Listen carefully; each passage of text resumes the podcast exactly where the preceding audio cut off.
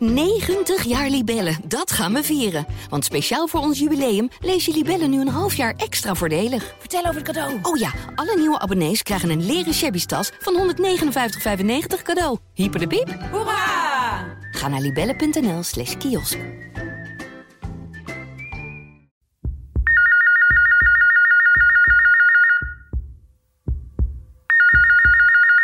Hallo, met Mireille. Goedemiddag Mireille, met Jacqueline Lona, kinderoncoloog van het Radboud UMC. Ah, hallo Jacqueline, wat fijn dat je me even terugbelt. Ik zou je heel graag iets voorleggen. Vertel. Ik denk erover na om geld na te laten aan KWF. Wat goed dat je hiermee bezig bent. Waar kan ik je mee helpen?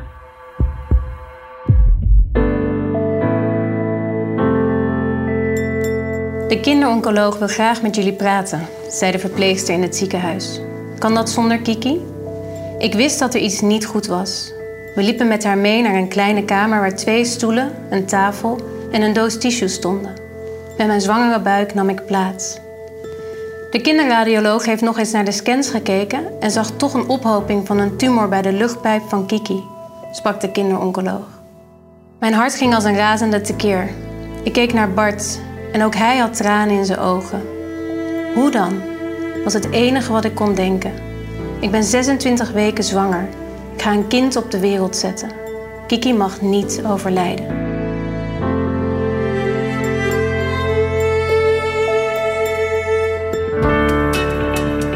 Leven met kanker.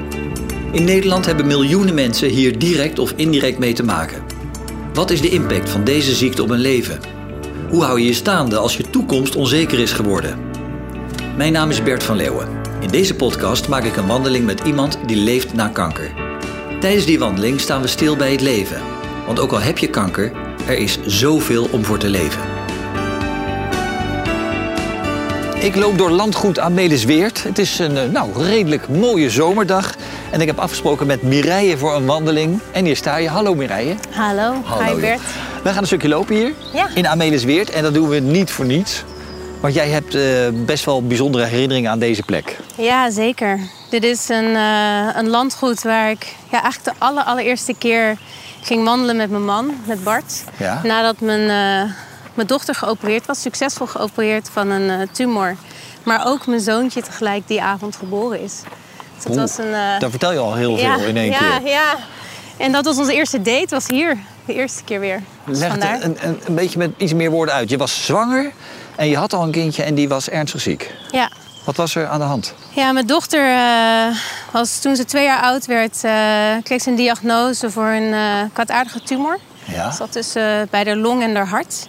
En, en toen was ik op dat moment ook 26 weken zwanger. En je Dus, dochter heet Kiki. Kiki. Ja. Twee jaar oud? Ja, Hoe kwam je erachter?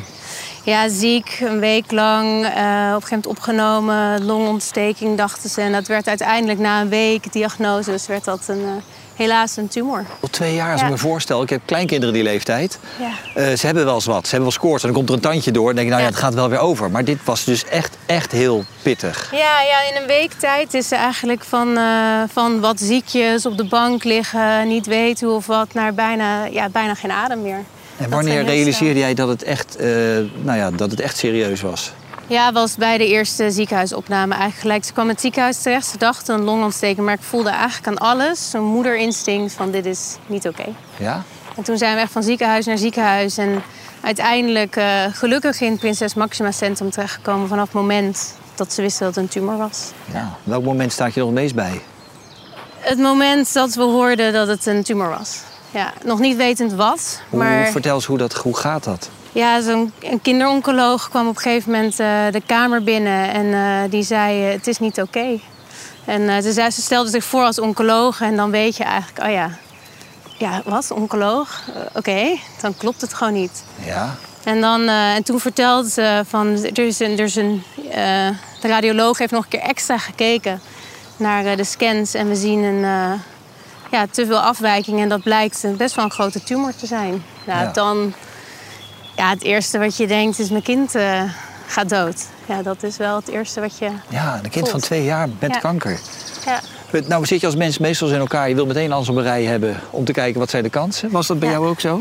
Ja, ja, en op dat moment wisten we natuurlijk niet welke tumor het was. Dus we wisten ook niet wat de kansen waren. Eh, Het kon nog van alles zijn. Uh, ik zit wel zo in elkaar dat ik heel erg in het moment zit. Maar mijn man was echt... Uh, ja, die heeft die paar dagen dat we moesten wachten om te weten wat het was... is die echt wel uh, ja, heel... heeft heel, heel veel intens verdriet ervaren, ja. Ja, dan ben je ook nog eens zwanger. Dus ik weet niet wat dat uh, mentaal met je, met je deed. Ja, veel. Hoe was dat voor jou? Ja, dat is ook wat je denkt. Ik ben zwanger, ik, uh, ik moet een kind op de wereld zetten... maar mijn dochter is ziek en misschien gaat zij wel overlijden. Ik had nog een ouderzoontje. Uh, of ik heb nog een ouderzoontje. Ja. En ja, ja, best wel paniek ook wel, momenten, uiteraard. Ja, je weet gewoon niet hoe je het moet doen. Ik zou bijna zeggen, hoeveel, hoeveel paniek kun je hebben in je leven? Ja. Hoe, hoe, heb je dat gehandeld? Je, hebt, je had nog steeds, je hebt een man. Ja. Hoe, hoe, hoe, deed je dat? Uh, je blijft in het moment wat er op dat moment zich voordoet. Dus je wordt geleefd op dat moment. Maar omdat je in het moment blijft, denk je niet te veel aan... oké, wat gaat er gebeuren? Oké, wat gebeurt er nu? Wat heeft ze nu nodig? Elke dag veranderde er ook iets. De tumor werd groter. Op een gegeven moment hoor je het behandelplan. Uh, maar alles gaat in dat moment. Je, je, je, je kijkt niet verder. Nee. Dat kan ook niet. En praktisch, wat, wat gebeurde er? Hoe, wat werd er in gang gezet? Nou, uiteindelijk werd het behandelplan geschetst. Dus vijf chemo's, maar na de vierde een operatie. En die viel exact rond de periode dat ik moest bevallen. Was Ze dat hebben, gepland? Ja, uiteindelijk hebben we wel gezegd... we plannen hem op, uh, op 42 weken. Want de kans dat ik 42 haal is niet zo heel groot. Maar uiteindelijk uh, haalde ik de 42 en stond ik uh, in het OK... met een gigantische pak met een hele grote buik. Ja, waarbij de oncoloog ook zei... dit hadden wij niet afgesproken, jij zou bevallen. Nee, je vertelt dan, nu met een glimlach... Ja, maar dat is met, nee, waarschijnlijk met de wetenschap van nu. Ja, nee, dat was op het moment zelf... Ik heb de hele tijd gevoeld dat ik de baby niet zou loslaten voordat ik wist dat het met haar goed was. Dat heb ik wel de hele tijd zo gezegd ook. Van jongens, ik ga, ze gaat eerst geopereerd worden en ik weet zeker, daarna beval ik pas. En dat gebeurde uiteindelijk ook. Want dat, ik durfde gewoon niet het eerder los te laten. Zo, zo voelde het heel erg. En dat kun je als met een soort moederinstinct kun je dat doen, blijkbaar. Ik geloof daar wel in. Ja, ik geloof er wel in dat het kind echt pas komt op het moment dat, je, dat alles er wel ook ergens soort van klaar voor is. Of dat het dan moet. Of ja, ik geloof daar wel in. Ja. En even voor mijn begrip, wat was er nou aan de hand met Kiki? Wat had ze nou? Een kiemceltumor, een kwaadaardige tumor. Dat zat dus bij de long en de, en de hart. En uh, dat groeide alleen maar, waardoor de luchtpijp ook in een knik zat. Ja. Dus die tumor die moest verkleind worden voordat ze kon geopereerd kon worden. Ja, ja. Dus een, een serie chemo's, toen kwam die operatie. Zag je ja. daar enorm tegenop? Ja, tuurlijk zie je er tegenop, want de borstkas moest ook helemaal open. Dus dat was, het was enorm spannend. En ik was op dat moment 42, bijna 42 weken zwanger. Dus Oh man, ik probeer, ja, ja ik probeer het voor me te zien. Maar je hoogzwanger, je, moet, je staat op het punt van bevallen... en je ja. dochtertje van twee gaat dan een, een, een, een, heftige operatie. Ja. Ja. Ja. En meer was het dus ook wel niet op dat moment. Dat was het. Maar ja, het is heel... Uh, je, over, ja, je bent wel echt ook in een overlevingsstand. Ja, hoe is het gegaan? Uh, wat de bevalling of de operatie, allebei goed. Ja, het ging, het ging parallel naast elkaar. Ja, ja dus wel die avond eigenlijk, ze is geopereerd, heel succesvol. Dat hoorden we eigenlijk. En op het moment dat we eigenlijk nog aan het wachten waren om te horen of het goed was gegaan, voelde ik al voorweeën. En lag ik eigenlijk al op een bank ergens die op te vangen. Op een gegeven moment mochten we naar de chirurgen toe en werd zij langzaam, uh, kwam ze in de kamer om wakker te worden. En toen hoorde ik dat het oké was en uh, dat het heel succesvol was geweest. Dat ze alle, alles ook kunnen weghalen. Niks was verkleefd. En ja, toen voelde ik zo'n grote opluchting. Natuurlijk is het heel spannend om haar te zien als mensje op zo'n IC. Dat, ja, dat doet heel veel met je. Maar ik zag al wel gelijk, of ik voelde van oké, het is echt goed. Ja, en toen begonnen bij mij de weeën uiteindelijk, precies in dat moment. Ik heb nog gevraagd of we konden wachten met de beademing eraf te halen... omdat ik echt iets wilde eten. Omdat ik voelde, ik moet nu wat eten, want ik ga straks bevallen. Dus ik moet klaar zijn. En op dezelfde verdieping, uh, in hetzelfde ziekenhuis... Uh, ben ik uiteindelijk bevallen, als dat zij op de IC lag. Mijn moeder, die, uh, die was bij me. En in het laatste moment, de laatste 10 minuten van de bevalling... of 20 minuten ongeveer, de laatste centimeter... is zij geruild met Bart, want die was natuurlijk bij Kiki. Die was bij Kiki op de IC. En zijn we geruild. En toen is hij nog bij de bevalling geweest. Mijn moeder bij mijn dochter. En zo zijn we dus verder gegaan. Ja, en toen is hij uiteindelijk weer teruggegaan naar Kiki na ongeveer een uurtje. En toen was Bowie uh, geboren in hetzelfde ziekenhuis. Ja. Welk gevoel overheerste er? Eh, opluchting toen. Enorme opluchting, ja. Drie verpleegkundigen en een van de chirurgen van Kiki liepen mijn verloskamer binnen. Wat doen ze hier? dacht ik verbaasd. Ik was net bevallen. Bowie lag in een wiegje naast mij. Ze klapte de tweede deur open en er werd een ziekenhuisbed naar binnen gereden. Bart en een IC-verpleegkundige die duwden het bed. En daarin lag Kiki. Kiek, mijn lieve Kiek, daar ben je, dacht ik. Haar bed werd naast het mijne geparkeerd. Ik haalde Bowie uit zijn wiegje en ik liet hem aan Kiki zien. Dit is je broertje, Kiki. De baby die in mijn buik zat. Ik was intens blij en keek om me heen naar al die mensen in de kamer. Dit hadden wij met elkaar gedaan. En het was precies goed. Ik had een kind zonder tumor en Bowie, onze baby, was geboren.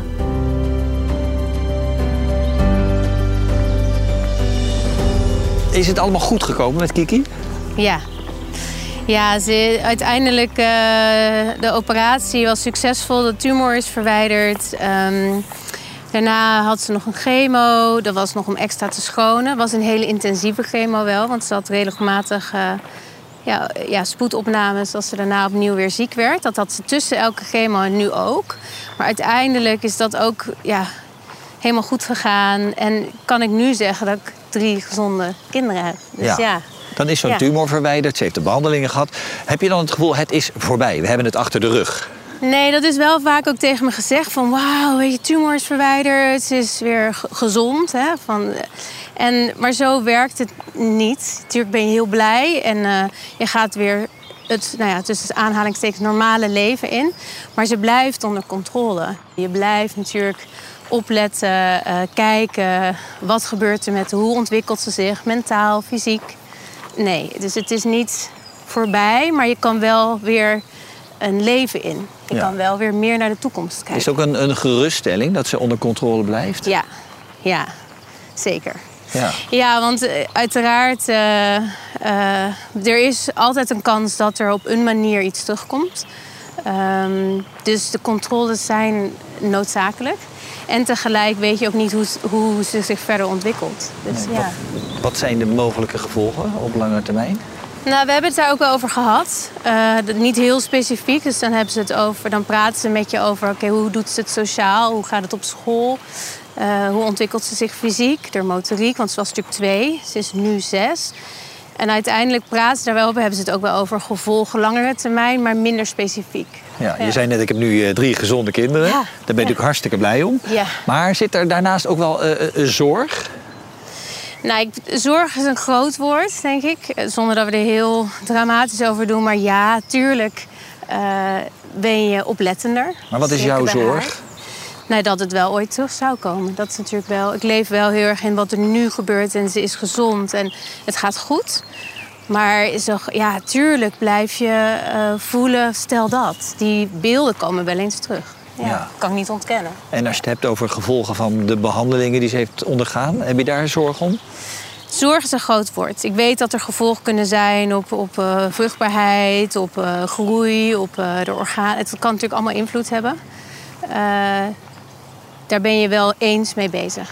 Ja. Wel eens. Wat betekent wel eens in jouw geval? Nou, zoals nu, we hebben nu de jaarlijkse controle. Dan ben ik wel weer van oké, hoe hè, gaat het goed met haar? Wat gaan ze zien? Ze doen een scan. Uh, niet alleen de tumor, maar überhaupt haar lichaam. Ontwikkelt ze zich goed?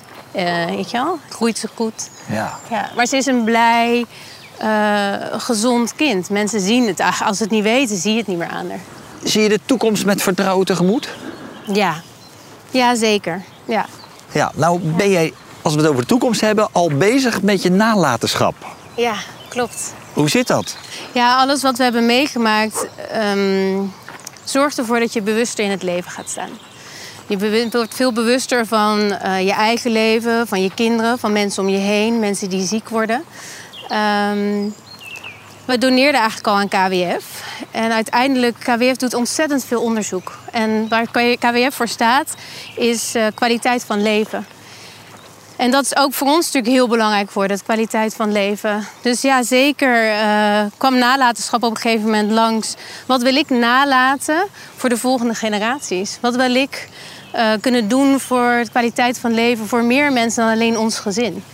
Dus uiteindelijk, ja, nalatenschap is daar een manier in voor mij.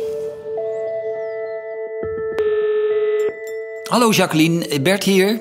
Ik bel met Jacqueline Lonen. Kinderoncoloog en hoofd- en initiatiefnemer van het Later Expertisecentrum.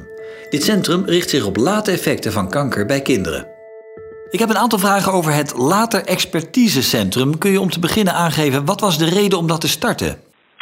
Ja, ik, uh, ik ben kinderoncoloog en ik ben ruim 25 jaar verantwoordelijk geweest voor stamceltransplantaties bij kinderen. Uh, een stamceltransplantatie is een heel intensieve behandeling. Ook vaak wordt uh, totale lichaamsbestraling gegeven.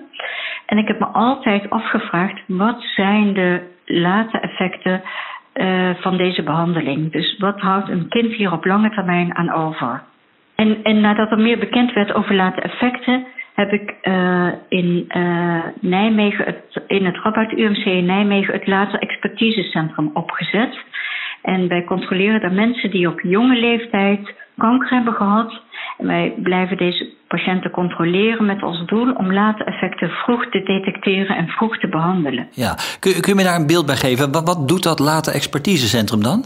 Uh, we maken voor elke patiënt een behandeloverzicht.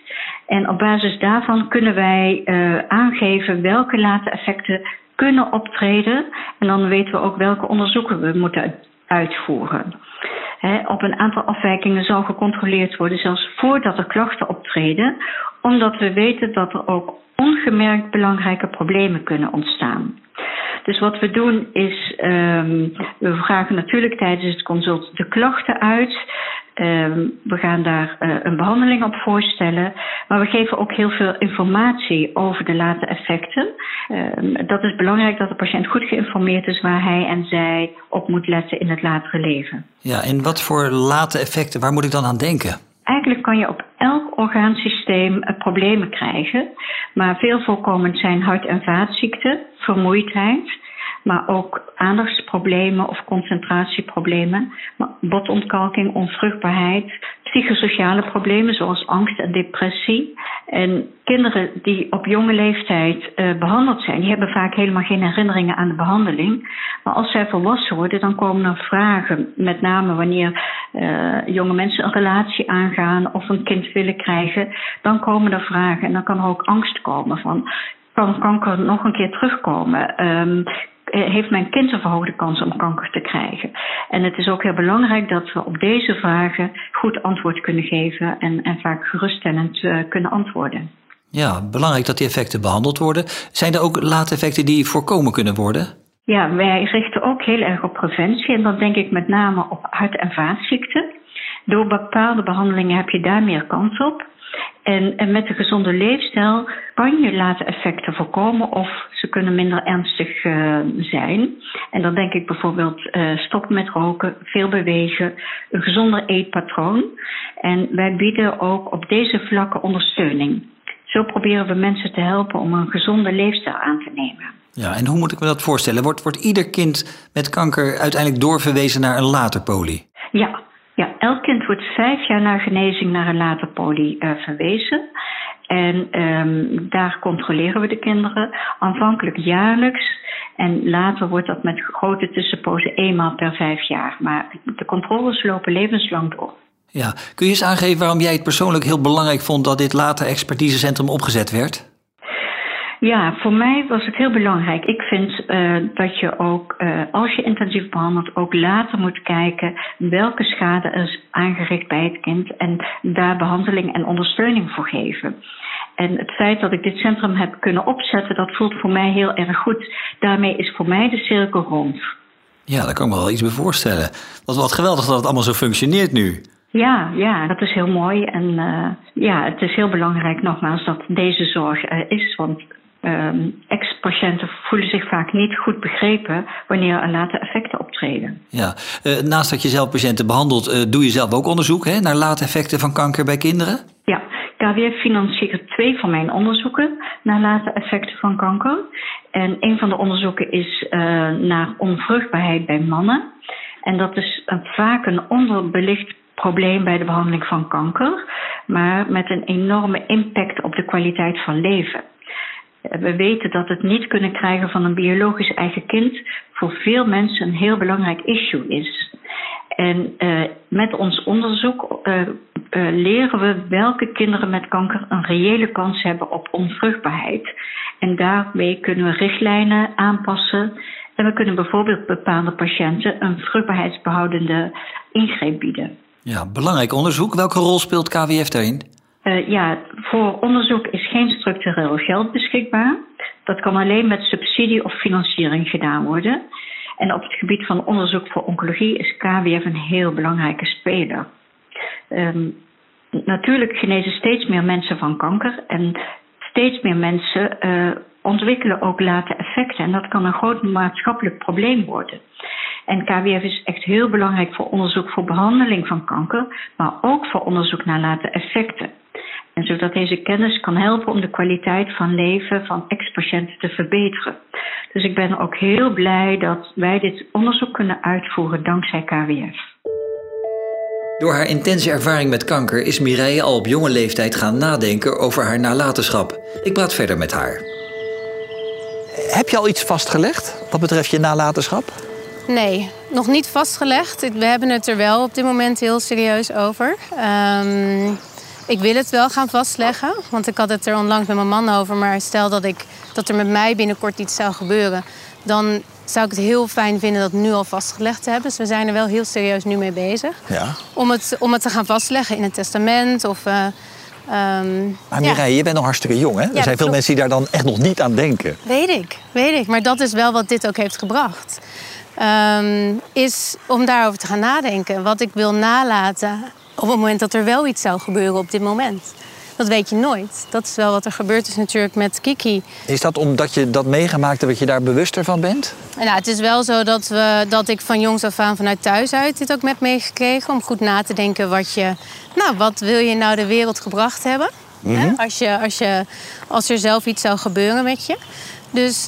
Um, ja, ik denk dat dat wel vanuit oudsher is, meegekregen heb. Maar dit heeft me veel bewuster in het leven gezet. Ja, hey, als we het hebben over nalatenschap, praktisch, hoe, hoe vul je zoiets in? Hoe, hoe doe je dat?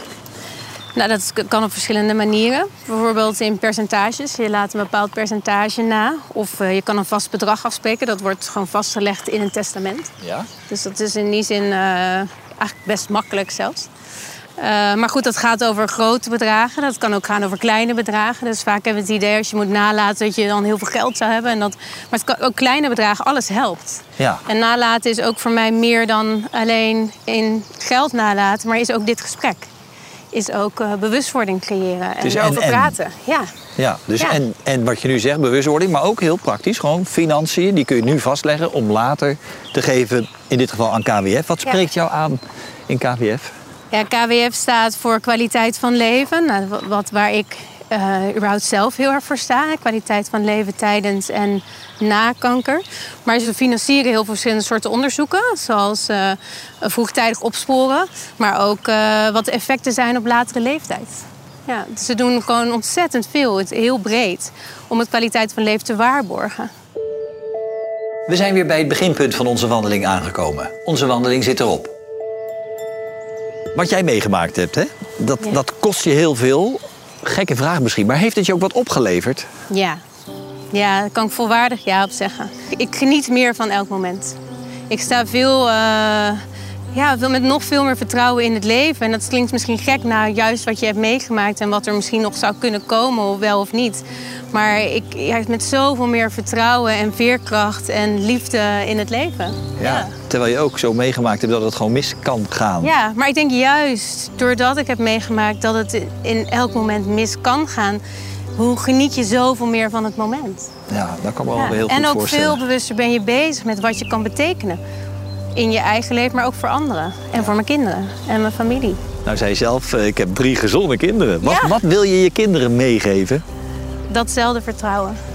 Ja, dat je, dat je uiteindelijk creëert het leven altijd op een manier een balans. Voor sommige mensen voelt dat niet altijd zo, maar dat is wel hoe ik het heb ervaren. En, uh, dus dat ze ook dat, daar kunnen zij op vertrouwen. Daarnaast geloof ik heel erg in het leven is liefde, familie, vrienden. Is, sommige mensen ervaren helaas in het leven alsof ze het alleen doen. Maar je doet het eigenlijk gewoon nooit. Ja, maar help, help me toch eventjes. Want ik heb ook kinderen en ik heb kleinkinderen. Als ik vraag, hoe, wat wil je, hoe, hoe, hoe geef je het ze mee? Dat ze altijd hulp kunnen vragen. Ja, dat ze, dat ze het nooit alleen doen. Dat we er altijd zijn. Altijd.